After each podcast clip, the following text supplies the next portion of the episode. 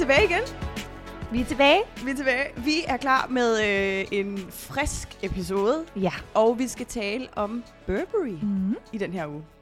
Det bliver ret spændende. Jeg har læst rigtig, rigtig meget om trenchcoatens historie, Mm. og du har læst rigtig meget om Burberry. Og øh, så ser vi, hvad der kommer ud af det, tænker jeg. Det gør vi. Det bliver så fedt.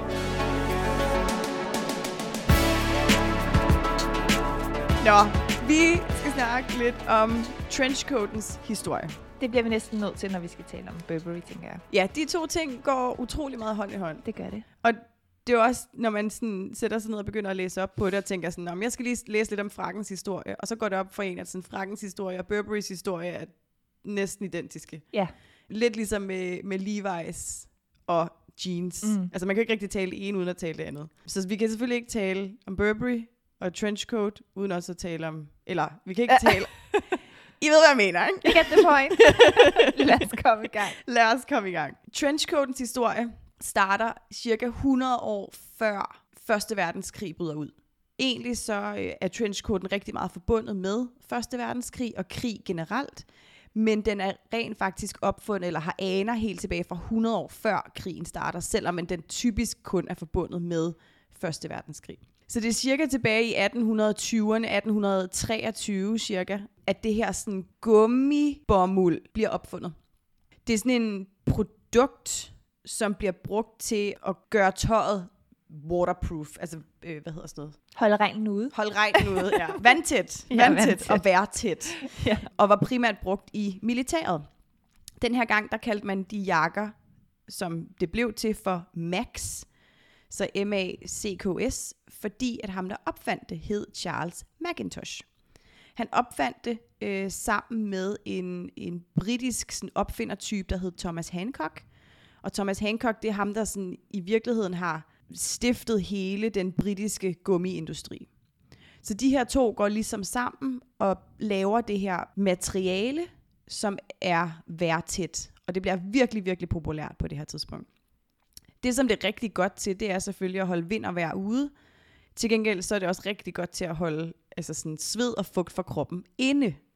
Så det var et enormt sådan ubehageligt stof at have på, øh, men alligevel virkelig populært til sådan alle udendørs aktiviteter. Øh, for mænd, der godt ville se godt ud og ligne sådan en gentleman, men stadigvæk være modstandsdygtig for, for vind og vejr, hvis man red eller skød, eller var ude at fiske, eller generelt bare udendørs aktiviteter. Ikke? Og Hvilket så, selvfølgelig militær. også har gjort, at det ikke har lugtet særlig godt, ved jeg. Det lugtede nemlig ikke særlig godt, og det gjorde, det var der to ting i. Et, at når du ikke rigtig, når, ånden, når kroppen ikke rigtig kan ånde, så sveder du rigtig meget, og det genererer lugt. Og vi ved jo fra historien, at man vaskede ikke sit tøj særligt tit den her Det gang. det. Men også fordi, at det her materiale begyndte at få sådan en, for det var jo gummi i, så det fik sådan en virkelig underlig lugt, når det blev udsat for, for sol. Så det begyndte lidt sådan at smelte i solen, og det gjorde, at det lugtede endnu værre. Ja. Så, så det her produkt, og men hvor fantastisk det var for, for folk på det her tidspunkt, så var det virkelig, virkelig, det lugtede så dårligt. Så der var Øhm, plads til forbedringer. Der var virkelig, virkelig plads til forbedringer. Så sker der så i virkeligheden to forskellige ting. Øh, der er sådan lidt en kamp om, hvem der egentlig opfandt trenchcoaten. Fordi der er to virksomheder i spil, som begge to påstår, at de opfandt den. Meget inspireret af de her Max, og hvilke fejl og mangler de har, så kommer der en, øh, en spiller på banen i 1853, som hedder John Emery, tror jeg måske. Emery eller Emery? Emery, Emery, ja, som patenterer en mindre lugtende, vandafvisende stykke stof, som han kaldte for aquascutum. Aquascutum er i latin og består af to ord, aqua, som betyder vand, og så scutum, som betyder skjold. Så han patenterer det under navnet sådan vandskjold, hvilket forklarer meget godt, hvad det egentlig også kunne. Ikke? Mm. han kaldte hans jakker for rappers.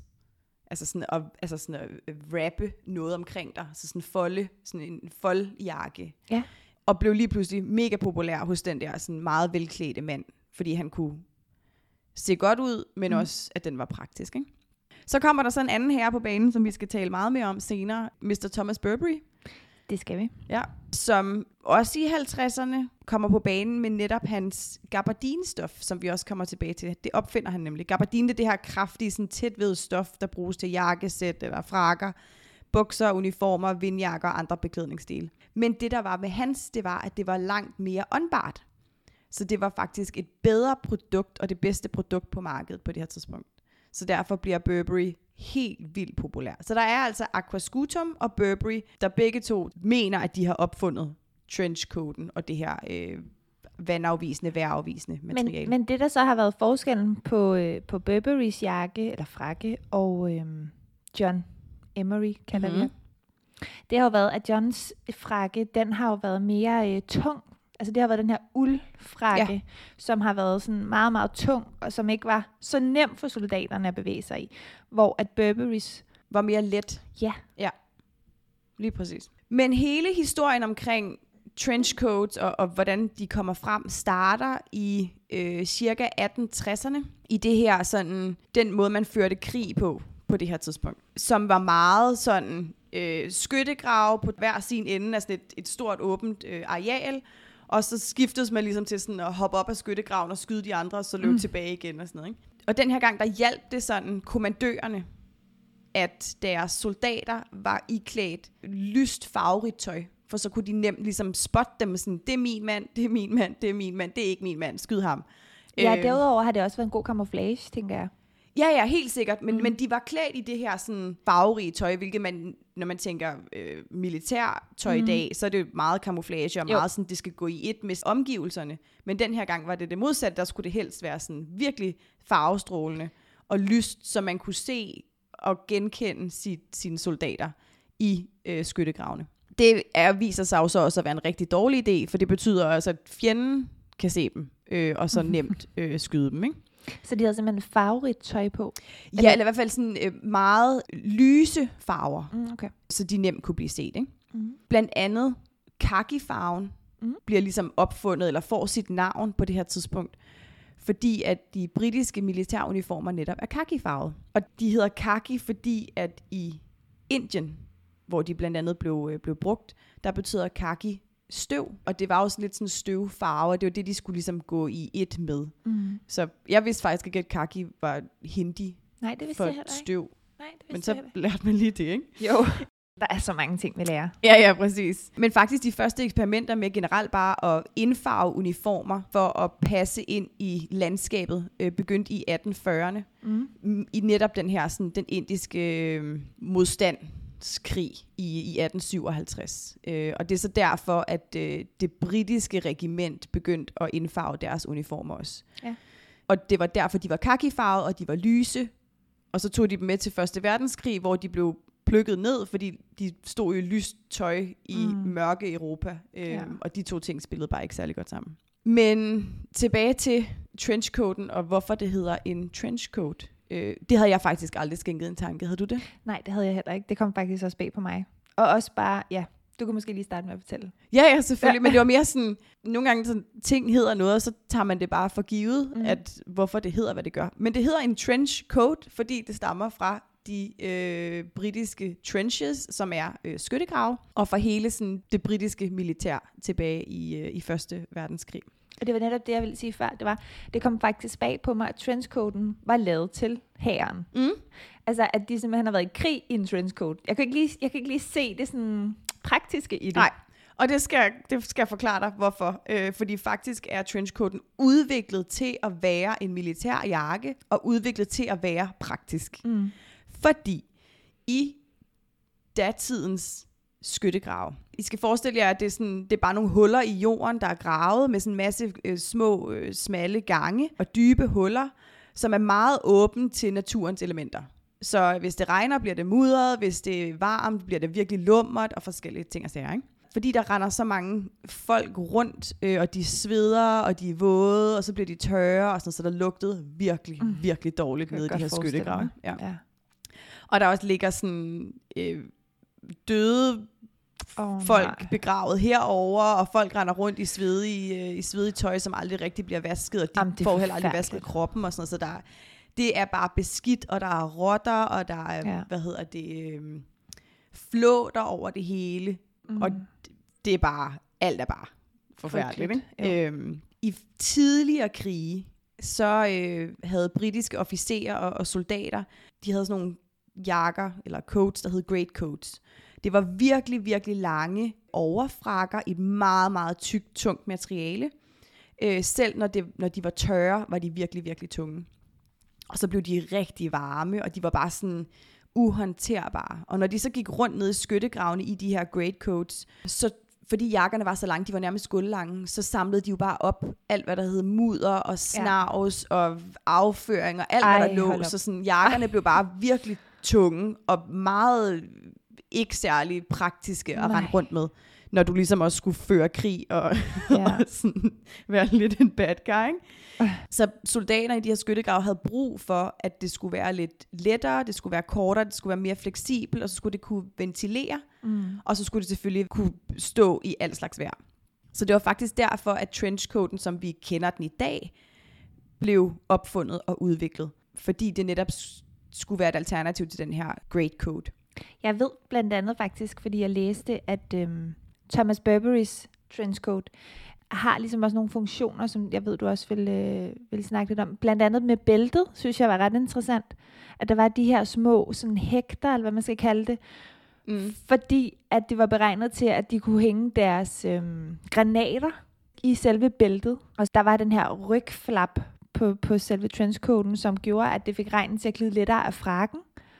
Øhm, og så foran er der det, der hedder en gun flap, som gør, at net, netop er muligt for luften ligesom at komme ind og give den her ventilation, som du lige snakkede om. Ja, der er ret mange, ret mange fede detaljer på, mm. på trenchcoaten, som stadigvæk er der den dag i dag, men det griner nok at altså sådan forstå, hvor det kom ja. fra. Og hvad formålet lige præcis med den her detalje har været, ikke? Ja, præcis. Fordi for eksempel, at den er øh, dobbeltradet, mm. Var noget, det var nødt til at være, fordi det skulle være i stil med officerernes uniform. Så, så, så den dobbeltradede funktion var faktisk mere af stil, end det var af nødvendighed. Ja. Og så rigtig nok, som du siger, øh, bæltet var beregnet til at holde øh, jakken på plads, og så stadig give den her fasong med, med taljen, at det sådan ligesom øh, flærer ud nede i, i bunden, og ellers sidder, sidder tæt til kroppen. Ikke? For det var det, der gjorde, at de så nemmere kunne bevæge sig rundt. Så er der lommerne, for eksempel. Det var ret vigtigt, at de var øh, store og dybe, så man kunne have forskellige ting og sager i, som for eksempel øh, kort, eller øh, altså sådan, øh, landekort, og, og, øh, og den slags ting, som man skulle bruge i, øh, i krig. Ikke? Stropperne på ærmerne, dem der holder, altså de spænder, der sidder på ærmerne, og ja. ligesom giver Ja, fasong. Ja, fasong på, sige, ja. på ærmet, var noget, man brugte til også at beskytte for, øh, mod vind og vejr.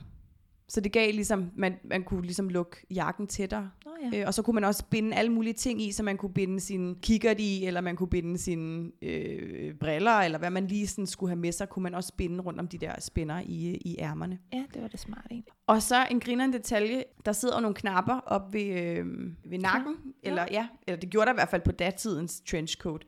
Og det var fordi, at så kunne man ligesom bedre knappe den til rundt om halsen, når man havde gasmaske på.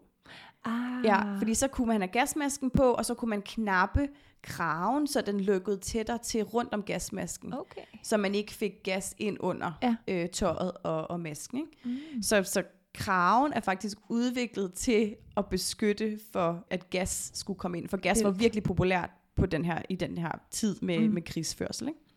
Og så kom jakken typisk også med sådan et, et ekstra lag, man kunne øh, tage af. Altså sådan et, et for i virkeligheden, som gav ekstra varme. Det kunne man tage ud, og så kunne man bruge det som øh, liggeunderlag. Det er jo genialt. Ja. Så he, Ej, altså sådan, alle jakken og alle detaljerne på jakken har været opfundet for at optimere for krigsførsel. Ja. Og at det skulle være en krigs, altså en jakke, du havde på i øh, skyttegravene. Jeg synes stadig, det er vildt. Fordi hvis du havde spurgt mig, og jeg ikke havde læst op på det, så havde jeg troet, det var sådan, ja, hvad skal man sige, forfatter, eller ja. detektiver, ja. eller sådan, du ved. Det er den vibe, man ja. får, når man tænker. Helt sikkert, og det kommer vi tilbage til senere også, fordi ja. det er jo noget af det, der gør, at trenchcoaten for, bliver populær igen, og ligesom øh, ryster sit militære øh, mm. image af sig, og det, det kommer vi tilbage til lige om lidt. Men noget af det, jeg synes, der er ret grineren, det er, at øh, man jo i lang tid brugte trenchcoaten også til at give udtryk for social rang. Det var jo sådan, at alle britiske soldater på det tidspunkt, de øh, blev udelukkende rekrutteret fra de sådan, fattigste rækker. Så virk, altså arbejderklassen. Det var soldaterne, alle officererne, alle de sådan, højtstående, rangerede øh, i det britiske militær, var gentlemen. Det var sådan de rigere folk, der var ja. rekrutteret til, til det lag. Så man havde brug for at ligesom kunne differentiere de to klasser fra hinanden, og det blev trenchcoaten også et, øh, et symbol på. Fordi de ting, der sidder heroppe på skulderen, der lige har en lille knap, Det indikerer, hvilken de rang. indikerede nemlig hvilken rang, fordi du kunne Ja. sætte rang på de skulderflapper. Øh, flapper. Ja. Altså dem, du ved, der sidder op på skulderen, så man kan sådan knappe af og løsne, hvor man tænker sådan, hvorfor er de her? Mhm. Mm. Det var for, at man kunne sætte rang på sin, altså skuldrene af sin, sin trenchcoat. Ja. Og så havde det også rigtig meget at gøre med, hvilken en trenchcoat du havde på. Fordi den her gang kunne man også godt differentiere mellem Burberry's og H&M. Så der var forskellige virksomheder, der ligesom slog sig op på at lave trenchcoat. Alle vidste godt, at Burberry's eller øh, Aquascutum ligesom var sådan de, de rigtige, de bedste af dem. Og så var der brands sådan mere øh, ja, H&M-agtigt, som også lavede trenchcoats. Og det var så typisk dem, der gik til soldaterne. Hvorimod officererne havde råd til at købe Burberry's. Okay. Ja. Så her kunne man ret hurtigt også se forskel på, hvem var soldater, og mm. hvem var officerer, udelukkende bare på kvaliteten af den trenchcoat, de havde på. Okay, ja. I øh, slutningen af Første Verdenskrig, der er det desværre sådan, at øh, der er jo selvfølgelig ret mange øh, soldater, der er døde, men faktisk er der flere officerer, end der er soldater, der er døde. Og det betyder, at man nu er nødt til at rekruttere nye officerer, men fra den sociale rang af soldater. Så der kommer et nyt term på det her tidspunkt, der hedder midlertidige gentlemen. Mm. Og det var fordi, man var nødt til at tage nogen af lavere rang, og ligesom promote dem til at have højere rang Ja. i militæret. Så man var nødt til at klæde dem også af højere rang. Men det var jo stadigvæk folk af lavere rang. Mm. Så derfor fik de det her term, sådan midlertidig gentleman. Sådan, du skal ikke tro, du er en gentleman. Det er kun midlertidigt. Det er kun fordi, vi har brug for dig i Du hæren. får den her, men jeg tager den tilbage igen. Præcis, det er kun fordi, vi har brug for dig i hæren, fordi alle vores rigtige gentlemen er døde. Ej. Så nu får du lige lov at lege Ja. lidt, at du er en rigtig gentleman, men du får titlen midlertidig gentleman.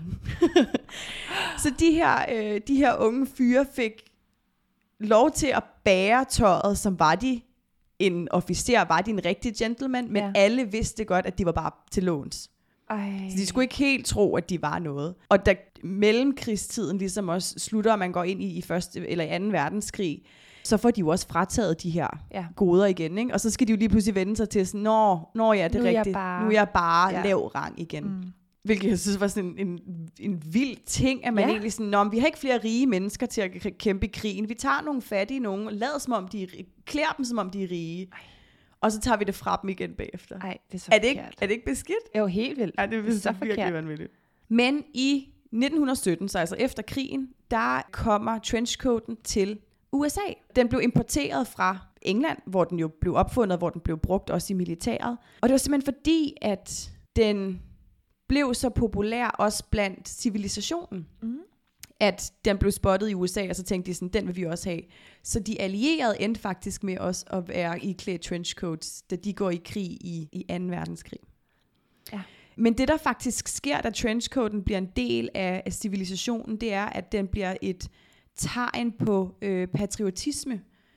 Så de familier, der har sønner i krig, tager trenchcoaten til sig og begynder at bære den som et tegn på, at vi bakker op om vores familie i, eller vores sønner, onkler, whatever, i krig. Der er i krig, ja. Så derfor så begynder folk tilbage i, i England at bære trenchcoaten som sådan et symbol på, at på, Ja, og hyldest. og altså sådan hyldes, til- lige præcis, ja. ja. Det er ret fint. Og det er nemlig rigtig fint, og det er det, der gør, at den går fra udelukkende militær til også at være civilisation. Og men Ja. den også forbliver i militæret. Ikke? Mm. Så nu bliver det sådan lidt mere en allemandseje. Ja, nu bliver det Ja. ja. allemands eje, men stadigvæk et symbol, altså mm. stadigvæk et symbol på patriotisme. Klart. I, øh, imellem 1. og 2. verdenskrig sker der så også et boost i, i trenchcoaten, fordi at øh, Hollywood jo får øjnene op for den. Det må man sige. Øh, og det bliver et kerneelement og en kæmpe succes, fordi den jo blandt andet kommer øh, med i helt vildt store film, som for eksempel Humphrey Bogart i Casablanca, Ja. som har den på. Og Marlene Dietrich, Greta Garbo, Catherine Hepburn, dem alle sammen. Og hvis Ja. man lige går ind og laver sådan en hurtig søgning på, på trenchcoat på film og sådan noget, de har den alle sammen på, ikke? Og det er jo netop, som du sagde før, Ja. altså det er sådan, det er detektiver, mafia, Nå ja, det er rigtigt, ja. bosser, øh, det er sådan alt, alle sammen sådan nogle typer, der er med sådan meget karakter. Mm. Det er sjældent sådan nogle typer, der sådan går langs væggen. Mm. Og det er noget af det, der er med til at give trenchcoaten den vibe, den har i dag. Altså, du ser jo nærmest ikke et runway show længere, uden at der er en eller anden form for en trenchcoat med af en eller anden art. Fordi det også bare er et sindssygt populært stykke overtøj. ikke? Jo. Og det har gjort, at sådan, trenchcoaten kan sidde på alle fra altså sådan, prins Charles til den mest almindelige borger.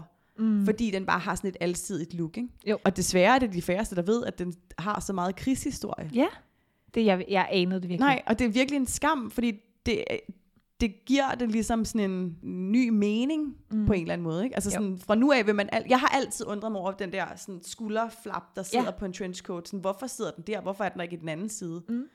Og så finder man ud af lige pludselig, sådan, det var for at ventilere. Men jeg troede faktisk, den sad sådan på begge sider, men hvor jeg så så et billede også, at den kun var på den ene Den kun side. sidder på den ene ja. side. Det er så underligt. Mm. Men også en af de ting, jeg har undret mig meget over, det er, at bæltet er jo egentlig lavet til at kunne spændes. Ja. Men alle binder det. Det er nok også fordi, ellers så har den ikke så meget fasong. Nej, den er meget, det er en meget maskulin øh, Ja, jakke, ikke? ja. Så for kvinderne selvfølgelig også kan være med. Og, men ja, også dengang, du har ret. Altså, det, man, man binder det, ja. Ja. Det giver Oh, wow. bare noget mere silhuet. Ja, det giver lidt silhuet. Nå, jamen øh, det var lidt øh, historie om øh, trenchcoaten. Ja, det var så spændende, synes jeg. Jeg tænker, at øh, vi er nødt til at få sat det i kontekst med noget øh, Thomas Burberry. Det synes jeg, vi skal gøre. Lad os lige smække en jingle på.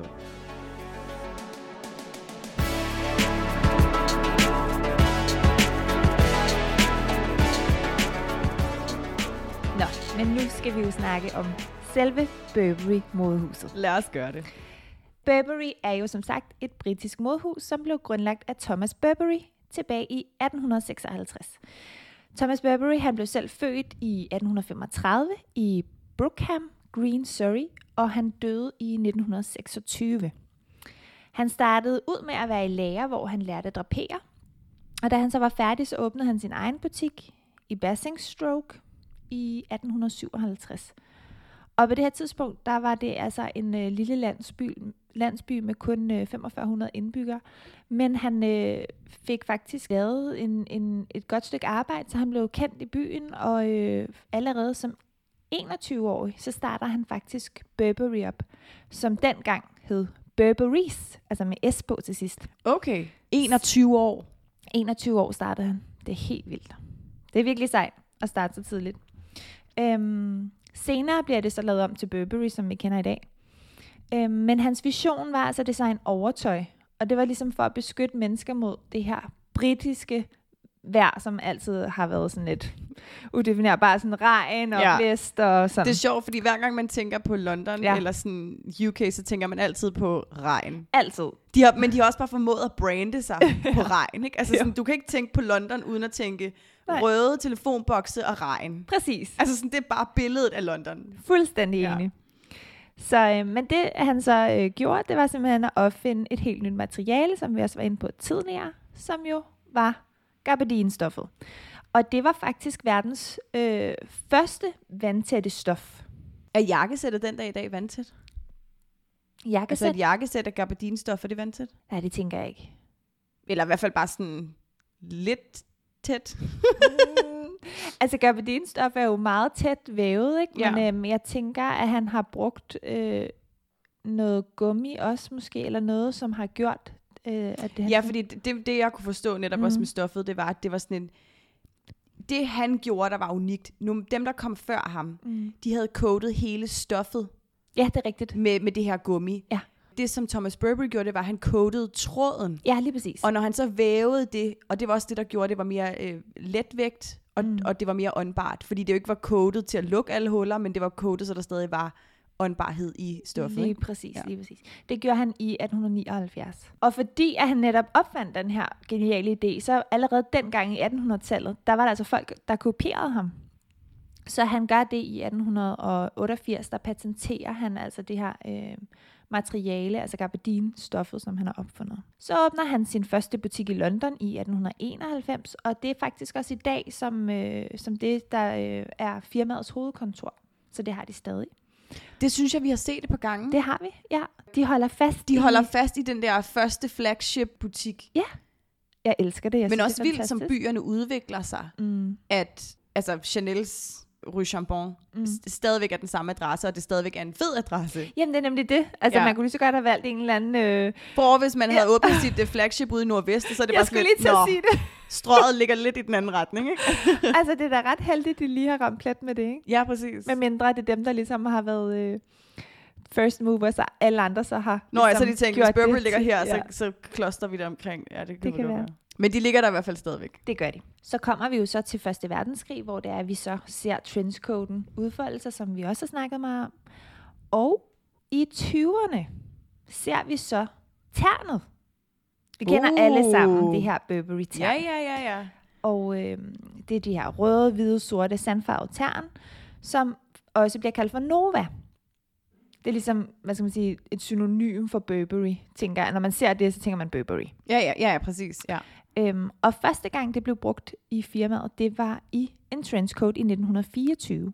Men det var først i 1967, at ternet sådan blev brugt i andre dele af hans kollektioner. Og så sker der det, at i 1997, jeg ved godt, det springer lidt i det, men øhm, der, øh, bliver, der bliver det simpelthen, mærket bliver relanceret, fordi at når man, når man tænker Burberry, så kommer man ofte til at tænke på en overklasses øh, ældre kvinde. Ja. Øhm, og det vil de gerne væk fra. Så derfor så kommer, de, øh, kommer der et nyt hold øh, designer på banen og ændrer det. Og blandt andet, fordi David Beckham skudt ind fra sidelinjen og begynder at putte ham i toget. Så lige pludselig så får det bare sådan et boom. Fordi at de selvfølgelig ser ham i det. Okay, men jeg kan godt se, hvad der sker her. Altså, så Burberry har altid netop været sådan meget, måske gammel mand, meget ja. øh, upper class, øh, virkelig raffineret og sofistikeret. Og så tænker man, okay, vi laver lige en rebranding, vi vil mm. godt have fat i de unge folk. Ja. Hvem har vi? Hvem har vi? Og hvem kan sælge? og hvem kan sælge, ja. Så de, øh, de begynder at putte det på, øh, på nogle kendiser, som vi har, selvfølgelig har hørt en del gange før, og det virker. Og så er der jo også øhm, Burberry-tørklæderne. Dem kan vi jo næsten ikke komme udenom. Jeg var så tæt på at tage mit med i dag. Er det rigtigt? Jeg stod derhjemme og skulle have, sådan, lige sådan, skulle have en jakke med, og så hang det der i, entréen, og så var jeg slet, skulle jeg tage det med? Skal jeg tage det med? For jeg havde Chanel-sko på, da vi Ja. optog Chanel, og Ah. Levi's, da vi, havde, da vi optog Levi's, så jeg var sådan lidt, skal jeg tage det med? Men det virkede lidt for... Oh. Og hvornår fik du det, eller hvornår købte du det? Jeg fik det, da det virkelig boomede. Altså dengang alle havde Burberry Og hvad var det i nullerne? Ja, jeg har lyst til at sige, det var en... Ja... Eller før? Ej, for jeg, altså, mm, måske det var i start 10'erne eller sådan noget, faktisk. Nå, okay. Jeg kan faktisk... Ja. Men det, altså, det var... Hvornår var det? Det kan jeg ikke huske. Men det var Mhm. den gang, hvor at vi alle sammen havde Ja. Louis Vuitton Speedy-tasken og, og Burberry tørklædet. Ja. Det er lidt sjovt at tænke på. Ja. Men jeg synes faktisk lige, vi skal tilbage til trenchcoaten, fordi det er jo manden, der ligesom har opfundet den. Det kan vi ikke komme udenom. Han har jo lavet den, og det vidste jeg heller ikke, han har jo faktisk lavet den i fem forskellige silhuetter. Har han det? Ja, han har ikke kun lavet den i én shape, som man ellers skulle tro. Han har lavet den i forskellige, som er inspireret af forskellige lokationer i London. Så de hedder Kensington, Westminster, Chelsea, Waterloo og Pimlico. Nå. Jeg kender ikke Pimlico, så jeg håber, jeg siger Pim- det rigtigt. Pimlico. Ja, jeg ved ikke lige, hvor Nej, det er. det Men de andre kender jeg. Jeg hører lige fra Aline, der hedder Pimlico. så har vi det på plads. Udover de her fem silhuetter, så har den... Har, øh, Hvad, hvad er forskellen på de fem silhuetter? Jamen, så udover de her fem silhuetter, silhuetter, der har de også nogle forskellige pasformer. Som er klassisk pasform, en slankere pas, pas, pas, Pladsform. en slankere pasform, en afslappet pasform og en skræddersyet pasform. Så du kan ligesom få en, en frakke, der passer lige præcis til dig. Jeg kan, okay, så jeg kan vælge silhuet og pasform. Lige præcis. Okay. Ja. Så der er nogen, der ligesom sidder lidt mere til Italien. Der er nogen, der sidder lidt mere sådan løst. Øhm, Der er sikkert nogen med lidt mere A-fasong. Ja, og så er der nogen, hvor der ligesom er skabt lidt mere plads, sådan, så du kan have lidt øh, tykkere sådan cardigan sweater indenunder og Ja. så videre. Øhm, så det kommer meget an på, hvilken ja, silhuet, der passer til Ja. din kropstype, eller hvad du nu end har lyst til. Så laver de det også til, til både mænd, damer og børn også. Det synes jeg er ret cute. Cute. Ja. Men okay, også hvis jeg skal... Okay, lad os lige snakke om, hvad den koster, ikke? Ja, Øh, fordi jeg sad og læste op og tænkte, uh, lidt ligesom vi har gjort med alle andre episoder, man hvor man tænker så sådan, fristet. Ja, ej, jeg skal også lige have de der Manolo Blahniks, eller jeg skal også lige have whatever. Sådan sad jeg og tænkte, jeg skal også lige have en Burberry trenchcoat. Så gik jeg ind og googlede den, Men og den skal den man ikke bare lige have, vel? Fordi den Man skal ikke koster lidt. bare lige have en... Eller det, jeg skal i hvert fald ikke. det tjener jeg simpelthen ikke nok penge til. En uh, Burberry trenchcoat inde på deres hjemmeside øh, står til i hvert fald 14.000 kroner. Ej, det er altså også lige... Uh, Men okay, hvis du så også selv kan vælge silhuet og pasform, men stadigvæk 14.000 kroner for en det er jakke. helt vildt. Altså, det er også derfor, at jeg tror, at jeg kan da i hvert fald huske, min mormor havde, eller jo, jeg havde en Burberry. Øh, trenchcoat. Og det, altså, det er jo sådan noget, der går i arv. Virkelig. Altså, hvis du finder sådan en vintage Burberry jakke, så er det også bare med at købe den, fordi at det holder bare prisen. Og så bare historien generelt om trenchcoaten, som vi også sad og, og snakkede om her i pausen. Det, det rører os jo dybt med de her soldater, der har ligget nede i de her skyttegrave, og Jamen, altså, jeg kan slet ikke holde Ja, ja, vi tager på. det bare totalt for givet. Fuldstændig. Noget, jeg til gengæld lige vil nævne i forbindelse med, med hvad den koster. Mm. Øh, dengang, way back in the days, i 1800, øh, 1900 something i, i England, der kostede en trenchcoat øh, 3 pund. Ish. Tre pund. Ja, hvilket svarede til cirka 3 måneders løn for en Wow. officer. Wow. Ja. Så de var, de var dyre den her gang også. Mm. Hvilket også forklarer, at det var meget, meget svært for de her øh, underklassefolk at få råd til en Burberry-jakke. Ikke? Fordi tre måneders løn for en officer, det var Wow. gentleman. Ja. Men prøv at overveje, at du kunne få en Burberry-jakke for 3-4 pund. Ja, hvis man 1900. sætter det op sådan. Ja. ja. Men dengang har det jo svaret til, ja, jamen, det kan man jo ikke engang. Nå, nej, men sådan- dengang kan du se, der svarede det også til tre måneders løn. Ikke? Jo, men det altså, er helt der- vildt. Ja. Det er så ikke tre måneders løn i, i dag, men Nej. stadigvæk, der er jo inflation og alt sådan noget. Præcis. Men den har jo så på en eller anden måde bevaret sin, næsten sin værdi og sin Jo. status, ikke? Øh, Ej, hvor er det vildt at tænke på. Men fed investering, hvis man har en, øh, en Burberry-jakke fra øh, 1900 something, så mm. smid den på auktion, fordi det æder med med gevinst at hente. Det må man altså sige. Ja. Burberry har øh, nok en af de, nu har vi selvfølgelig ikke talt om Mulberry nu, som også har en virkelig, virkelig stærk øh, engelsk øh, tradition, og meget sådan stolthed omkring engelske traditioner. Men Burberry er i hvert fald en af dem, der har virkelig mange engelske stolte traditioner. Øh, tilbage i 1955 giver Queen Elizabeth Burberry sådan et stamp of approval som Royal Warrant, altså weatherproofer. Ja. Så altså sådan, de bliver ligesom de anerkendt for det, som de blev skabt til. Mm. Netop det her sådan, øh, hvad hedder det, gabardine-stof, og, og det som, den funktion, det stof havde. Ikke? I 1964 bliver de så den officielle øh, leverandør til det britiske kvindelige olympiske hold, der deltager i Tokyo Olympics. Øh, vi har jo lige haft olympiade i Tokyo, Ja. Og nu tilbage til 1964, hvor at uh, Burberry faktisk klædte det, altså kvindeatleterne på i, uh, you guessed it, trenchcoats. Det passer bare perfekt. ja. Så i, uh, i 1999, der uh, ændrer de deres navn fra Burberry's to Burberry. Mm. og skrotter ligesom S'et. Jeg er lidt i tvivl om, hvorfor man vælger at gøre det, men ikke desto mindre, så øh, lidt ligesom vi snakkede om med Yves Saint Laurent også, så skrotter man Yves, og så bliver det bare Saint Laurent.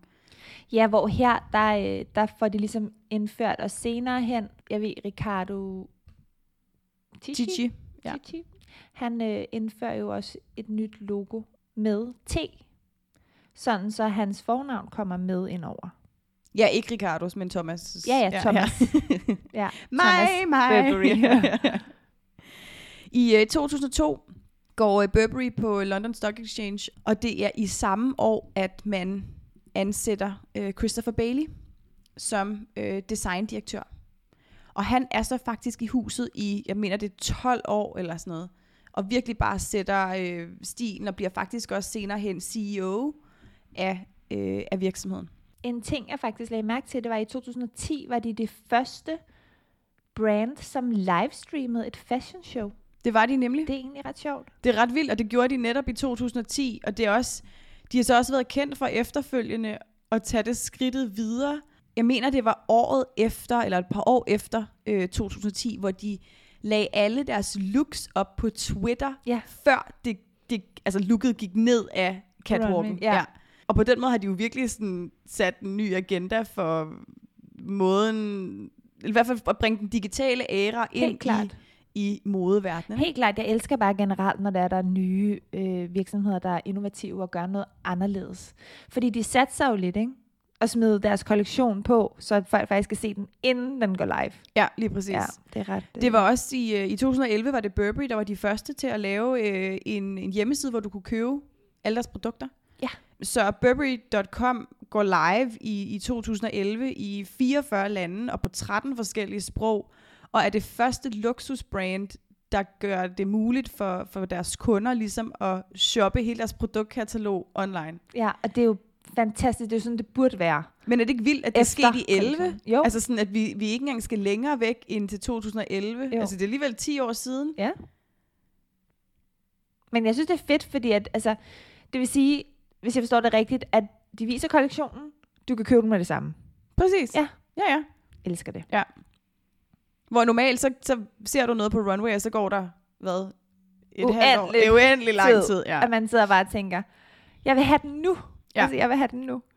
I Ja. 2013, så altså kun få år efter, er, er Burberry også det første luksusbrand til at lave en Instagram-konto. Til at inspirere kunderne og, og så sådan at engage med dem. Okay. Og laver virkelig smukt, kreativt indhold. Men altså sådan, Burberry er den... Altså sådan, Nå. det, jeg anede ikke, at Burberry var så First mover. first mover, et digital first mover. Ja, det må man da sige. Altså livestream, Twitter, live feed, Instagram de har account. simpelthen ikke fået nok credit. Det, det må vi Det bare har de give ikke. Dem. Nej. de, altså, jeg, jeg føler, jeg skammer mig over, at jeg ikke har givet Burberry nok credit for, hvor cool de i virkeligheden er. Præcis. Ja, det er, det er godt, vi har øh, hævet fat i Burberry. så vi præcis. ligesom præcis. kan sætte pris på det her modehus. Det er fantastisk. Og så er det også en af de huse, der i virkelig, virkelig mange år har været øh, meget involveret i LGBT-communityet. Det må man sige. Og introducerer blandt andet i 2018 deres Burberry Rainbow-tern. Ja. Så, som en hyldest til øh, LGBT-communityet. Mm. Øhm, LGBTQ+. LGBTQIA+, tror jeg Og der faktisk. er kommet at den- IA på. Okay, Ja. ja. Ja. Men øhm, Ja. Og vi snakkede om den sidste uge også. det gjorde vi. det bliver en, det er en større og større ting, at brands går ind og tager en aktiv rolle, og ligesom Mhm. giver brandsene en stemme i det her. Også fordi der er rigtig mange mennesker, som går på barrikaderne, hvis de ikke gør det. Ja. Altså hvis de ikke blander sig, hvis de ikke tager en, har en holdning eller, eller tager et stand, så får de bare høvl den anden vej. Ap- apropos det, så har de jo fået enorm kritik faktisk, Burberry. Øh, I 2017, der øh, faktisk øh, er det sådan, at det kom frem, de havde brændt deres produkter, du ved, efter en så, øh, sæson eller en kollektion, så øh, de produkter, der er til overs, det er ikke nogen, de kører videre med, så brænder de simpelthen deres kollektioner. Der brændte de produkter for næsten 29 millioner pund i 2017. Ej, hvor er det vildt. Så folk lagde jo pres på Burberry, og altså sådan, det var jo helt vildt hæftig kritik, der kom, og for blandt andet miljøorganisationer som Greenpeace og så videre. Altså, det er jo også helt absurd at gå ind og brænde tøj af for så mange penge. Eller Ja, og det her, er jo, det her er jo nok bare en af de sager, der er kommet frem i lyset, mm. øh, fordi der er jo rigtig mange brands, der gør det. De Jamen, det er destruerer jo deres øh, overproduktion for at holde brandet eksklusivt. Lige præcis, det er det der med udbud efterspørgsel, ja. ikke? Altså, øh, Jo, og egentlig faktisk tilbage til, til Ralph Lauren-episoden. Øh, de har jo i mange år været kendt for faktisk nærmest at producere til, til deres outlets. Så de destruerer ikke deres tøj, de smider det på outlets. Det gør Gucci faktisk også. Ja. Og der er mange store, Armani gør det, Dior gør det. Så har de de her store Og det er den rigtige måde at gøre det på. Men jeg ved godt, Ja. at man skal også passe på, at man ikke ødelægger sit brand og sådan noget, men man bliver også bare nødt til at tænke på miljøet. Man bliver nødt til at tænke på...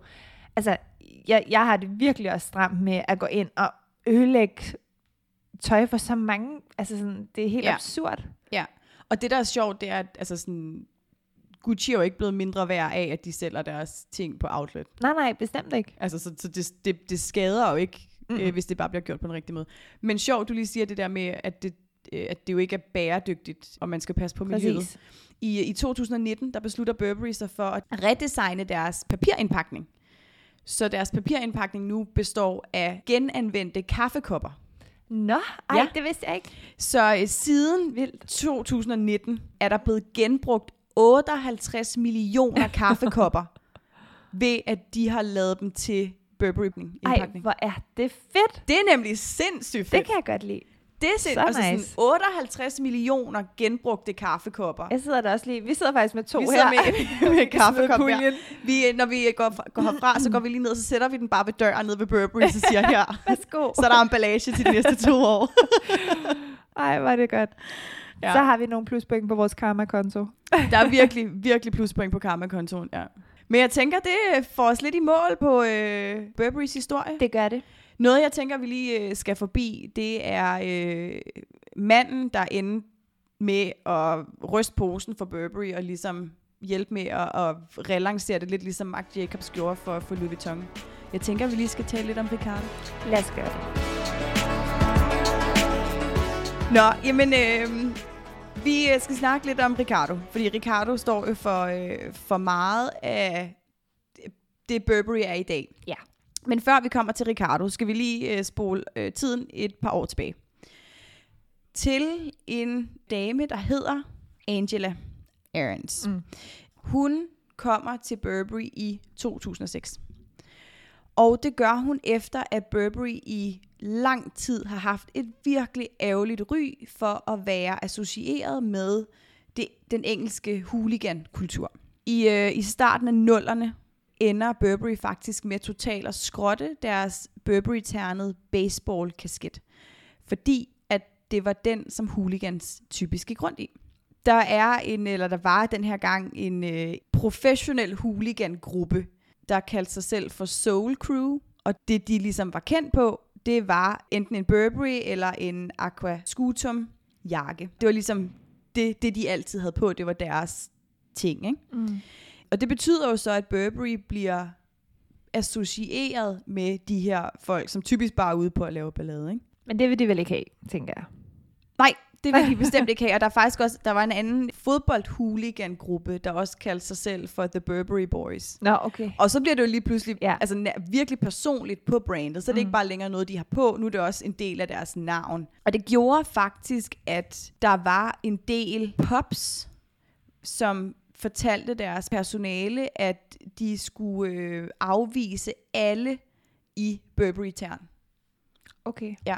Så der var simpelthen i mange af de her byer, hvor at huliganismen var, var størst, der fik mm. alle øh, øh, hvad hedder det, popansatte besked på, I lukker ikke folk ind i Burberry Town. Wow. Fordi de er her bare for at smadre ting. Mm. Ikke? Prøv at overveje, hvad det gør for et brand.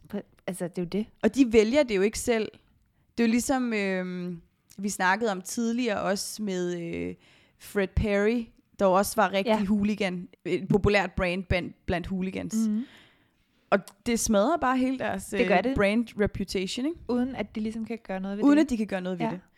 Så det øh, Angela gjorde, da hun kom til rettet i, øh, i 2006, det var egentlig bare at totalt rydde bordet. Start fuldstændig forfra. Så i virkeligheden tage alle skibene, man har sat i søen, og så trække hjem i havn igen, og ligesom være sådan, okay, nu tager vi lige ejerskab tilbage over de her Burberry-tern. Så hun opsiger samarbejdet med 23 virksomheder, som alle sammen har licens til at bruge Burberry's tern. Til blandt andet at sætte på kasketter, eller tøj, eller øh, bukser til hunde, eller alle mulige forskellige ting. Bukser til hunde. Ja, ja, præcis. Det står der meget specifikt. øhm, så hun, hun dropper simpelthen, hun opsiger samarbejdet med dem. Også for ligesom at være sikker på, at hvis der kommer noget ud af med burberry tern så er det kun lavet af Burberry. Ja. Øh, og så er alt andet kopi.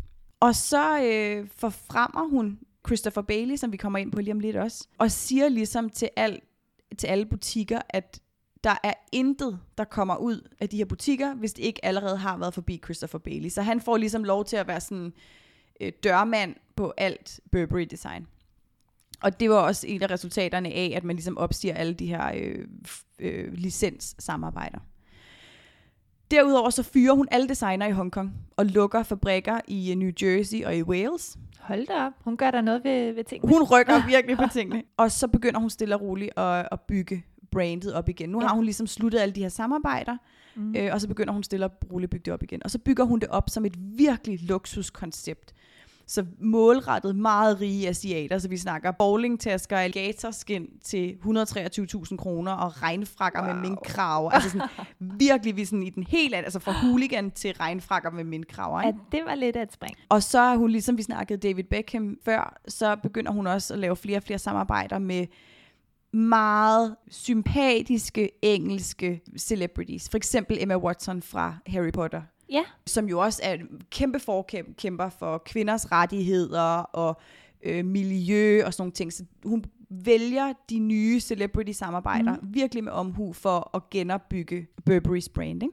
Hun var blandt andet også øh, med til at indføre, at alle Burberry-butikker skulle have en Apple iPad-tablet, sådan at øh, man kunne højne kundeservicen. Så på hvilken måde kunne man... Øh... Jamen, så hun udstyrede alle butikker med en, en Apple iPad, øh, og det var bare ret vigtigt, en Apple iPad, fordi hun skifter senere hen til at rykke over fra Burberry til Apple. Ah. Ah. Øh, så jeg tænker, der har været lidt, øh, lidt godt samarbejde der. De har set hendes gode øh, kompetencer Ja, og tænkt, præcis. hende napper Hende tager vi. øh, men i virkeligheden så øh, gav man øh, alle butikker tablets, sådan at de ret hurtigt kunne yde kundeservice, og ligesom jeg tænker, måske vise frem, eller customize, eller for eksempel du sagde, at man kunne vælge både øh, silhuet og, mm. Mm. og fit. Jeg tænker, at det her iPad'en ligesom kunne hjælpe med til, sådan at det kunne gøres mere effektivt, og det kunne være mere personligt. Ja. Og det betyder så også, at, at alle de her ting, hun sætter i, i værk, også med al, altså hele deres social media strategi, gør, at hun faktisk tredobler deres øh, omsætning. Wow. Bare Wow. i den tid, hun er Gud, i, hvor er det virksomheden. Ikke? Men hun har også formået virkelig at, at rykke rundt på mange ting, kan man høre. Det, det har ikke været en, en lille ting, hun bare lige har, har drejet på. Det har Ej. simpelthen været alle. Ja, hun har virkelig sådan tog det fra noget, der var rigtig Ja. uheldig branding, og så fået Det er start, altså, ja, eller fået det vendt, Ja. og i hvert fald været startskud til det nye Burberry. Virkelig imponerende. Som Christopher Bailey så overtager i 2000 og Han er der faktisk siden øh, 2001. 2000, ja, fordi ja. De arbejder sammen, Præcis. og så promoter hun ham øh, i også i forbindelse med, at hun øh, tager derfra. Han ender faktisk med at være der i, i 17 år. Ja, det er, øh, det er virkelig øh, det er imponerende. Ja, det er virkelig imponerende. Han kommer fra en baggrund i øh, Donna Karen, og har så arbejdet under Tom Ford hos øh, Gucci også, så har en, en ret god historie også, og god erfaring. Og det er så hos Donna Karen, at han møder Angela, og de så lærer hinanden at kende. Ikke? Mm. Jeg læste et lille interview med ham, som jeg synes, der var lidt sjovt.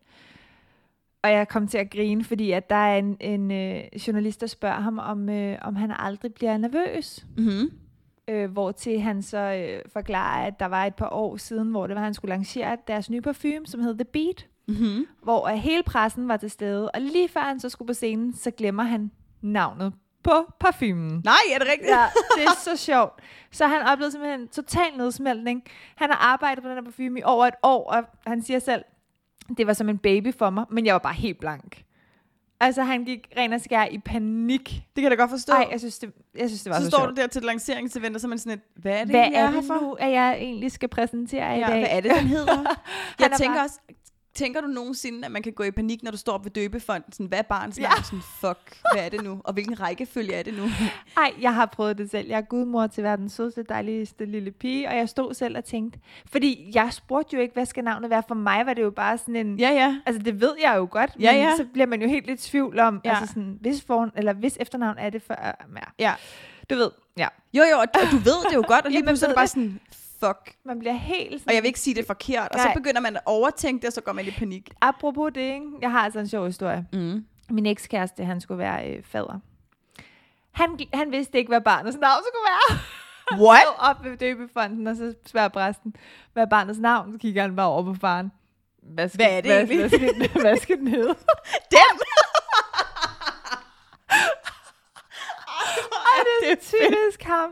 Jeg var ikke til stede den dag, men han fortalte mig det, og jeg var bare sådan der, hvor er det typisk dig, du ikke undersøger det seriøst? Og det er fordi, det, det, altså de kommer fra Grønland, så det er sådan nogle meget grønlandske navne. Så han sagde, jeg kan det godt på dansk, men jeg kan det ikke på grønlandsk. Ej, hvor, Ej, hvor er det også bare fedt bare at kigge over på faren sådan, øh, hvad Jeg er ved, egentlig barnets navn? Jeg ved, hun skal hedde Lille Bjørn, men jeg ved ikke, hvad det hedder på grønlandsk. Kan du lige hjælpe mig? Lille Bjørn. Ej, hvor cute. Nå, det var lige et lille sidespring, men øhm, den skulle jeg lige have med. Nå, jamen tilbage til Christopher Bailey. efter Christopher Bailey, så øh, efter hans 17 år hos Burberry, går ejerskabet eller stafetten videre til Ricardo Tisci. Mm. Ja. Ja. Som vi har snakket om før, også da vi øh, snakkede om Givenchy. Fordi han jo havde, jeg mener det var 12 år eller sådan noget hos Givenchy, og så rykkede han sig over til, til Burberry. Ja. Og det er så ham, der på mange måder har rystet posen i forhold til, hvad vi kender som Burberry i dag. Og klart gjort det lidt mere øh, streetwear. Det var også ham, som vi nævnte tidligere, der indførte det nye øh, TB-monogram, Mm. som man også ser nu på sådan noget all-over print i, øh, på, deres, øh, på deres runway og på deres designs. Og som falder rigtig godt i stil med, at Balmain også har introduceret deres øh, sådan et all-over print fra, fra arkiverne og trukket det frem. Ja, det var netop også derfor, de netop valgte ham som kreativ direktør, fordi han kommer fra det her lidt mere streetwear-univers. Ja. Og de ville gerne have trukket det med ind over hos Burberry, fordi det var ligesom tidens tendens. Det var det der lidt mere øh, tracksuits og så videre. Øhm, så han kommer ind og ligesom, øh, ja, giver dem et kæmpe boost, og sidder stadig øh, på pinden i dag. Det gør han. Øh, og laver en, en rebranding for dem også. Ja. Med et, et nyt logo i det hele taget, ikke? Jo. Det der også er ved Ricardo, det er, at han er jo en meget, meget populær mand. Ikke kun på Instagram, hvor han har 2,7 millioner følgere. Hold da op. Ret vildt. Men øhm, der er jo så mange stjerner, som er fans af Ricardo. Øh, blandt andet Beyoncé er stor, er super fan faktisk. Ja. Madonna, Rihanna, øh, Adele, Naomi osv. osv. Og så skulle han have en, øh, et flair for ligesom at løfte forskellige modeller til et højere niveau. Hvordan jeg læ- det? Jamen, jeg læste blandt andet, at han havde hyret en model ind. Hun hedder Ming Si.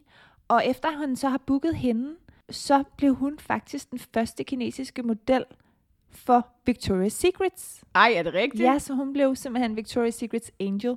Og hun har så senere hen fået tatoveret by Riccardo Tisci. Det synes jeg er Ej, sjovt. hvor er det Ja. fedt. Det er ligesom sådan, han skal lige have den credit, at han har simpelthen løftet mig helt ja, op ja, til det her you niveau. made me. Ja. ja. Så det Så ikke noget sådan made in China, bare Nej. made by Ricardo. præcis. Ej, det synes jeg er virkelig sejt. Ja, Det er også meget en, sådan en, du får lige et stykke af min hud. det er sådan virkelig Ja. et, et, øh, et stort tak, ikke, må man sige. Men okay, hvis han også virkelig bare har skabt hendes karriere, altså hun Ja. behøver nok ikke de næste par år at tænke over, sådan, Bestemt ikke. om der er penge på kontoen. Bestemt ikke. Og øh, en anden ting, jeg stødte på, som jeg også synes var lidt pudsigt, det var, at han også har øh, fortalt i et interview, at øh, han rent faktisk hader jakker. Altså, det synes jeg var lidt sjovt. Han er, som man siger, I'm a jeans and t-shirt guy. Og han vælger simpelthen at gå ind i et brand, hvor ved at... Øh, Ja, nu står han Hvor- ved Burberry, som bare har den længste historie omkring jakker. Det er bare jakker. Det er simpelthen et brand, der startede ud med overtøj. Så det er lidt, øh, det synes jeg var lidt det er meget paradoxalt, vil jeg Ja, sige. paradoxalt er nok det rigtige ord. Hans første kollektion på Burberry var altså også øh, virkelig et øh, kæmpe, altså en kæmpe succes i 2018, da han startede ud. Det blev taget så godt imod. Og ved du, hvad vi faktisk glemte at snakke om? Det kom jeg lige i tanke om. Med Hvad hensyn til øh, monogrammet. Ja. TV. Der er jo også, de øh, har faktisk lagt op inde på deres Instagram, hvor lang tid det tog at lave det her monogram. Det synes jeg også lige, vi skal have Okay, kør. Der er nogle billeder inde på, som sagt, Instagram, hvor ved, at der er en korrespondence mellem ham og, Ja, ham der har designet det nye. Ja, Peter øh, Saville, tror jeg, Ja. han hedder. Og øh, Ricardo skriver så, her er det, hvad hedder det, endelige layout for monogrammet, hvor ved, at øh, han så svarer, fantastisk. Den røde og øh, honningfarvede øh, kombination er super, su- super stærk. Så skriver øh, Tishi så, at han er øh, super excited, og øh, tror du, vi kan gøre det inden for fire uger? Tror du, vi kan være færdige med, med logoet og sådan monogrammet? Skriver han bare, Ricardo, fire uger udråbstegn. Du må være sindssyg. Jeg skal mindst bruge fire måneder på sådan et projekt her. Men hvad sker der? Det bliver ordnet på fire uger. Nej, er det rigtigt? Ja. Ej, hvor er det vildt. Altså, øhm, ja. Så det får han sgu også lige hus. Men jeg tænker også, øh, at øh, hvis, hvis Ricardo og Burberry siger, at vi skal bruge det på fire uger, så bliver det sjovt nok på fire uger. Så er det sådan, det skal være. ja. Så han har altså en stor og, og virkelig øh, powerful øh, indflydelse for Burberry. Apropos øh, Peter Saville, så er det faktisk også ham, som øh, Calvin Kleins tidligere kreative direktør, Ralph Simons, eller Simmons, hyrer til at øh, genskabe deres logo også. Okay. Så øh, han har faktisk redesignet et par forskellige brands nye logoer. Ej, hvor interessant. Ja, så hver gang, at, at brands skal have nye logoer, så i hvert fald det er der et par stykker, der har gjort, så har de taget fat i, øh, i Peter Saville. He's the man. ja. He, he's your guy. ja. Skal du have nyt uh, logo, så ringer du bare til Seville. Fedt. ja.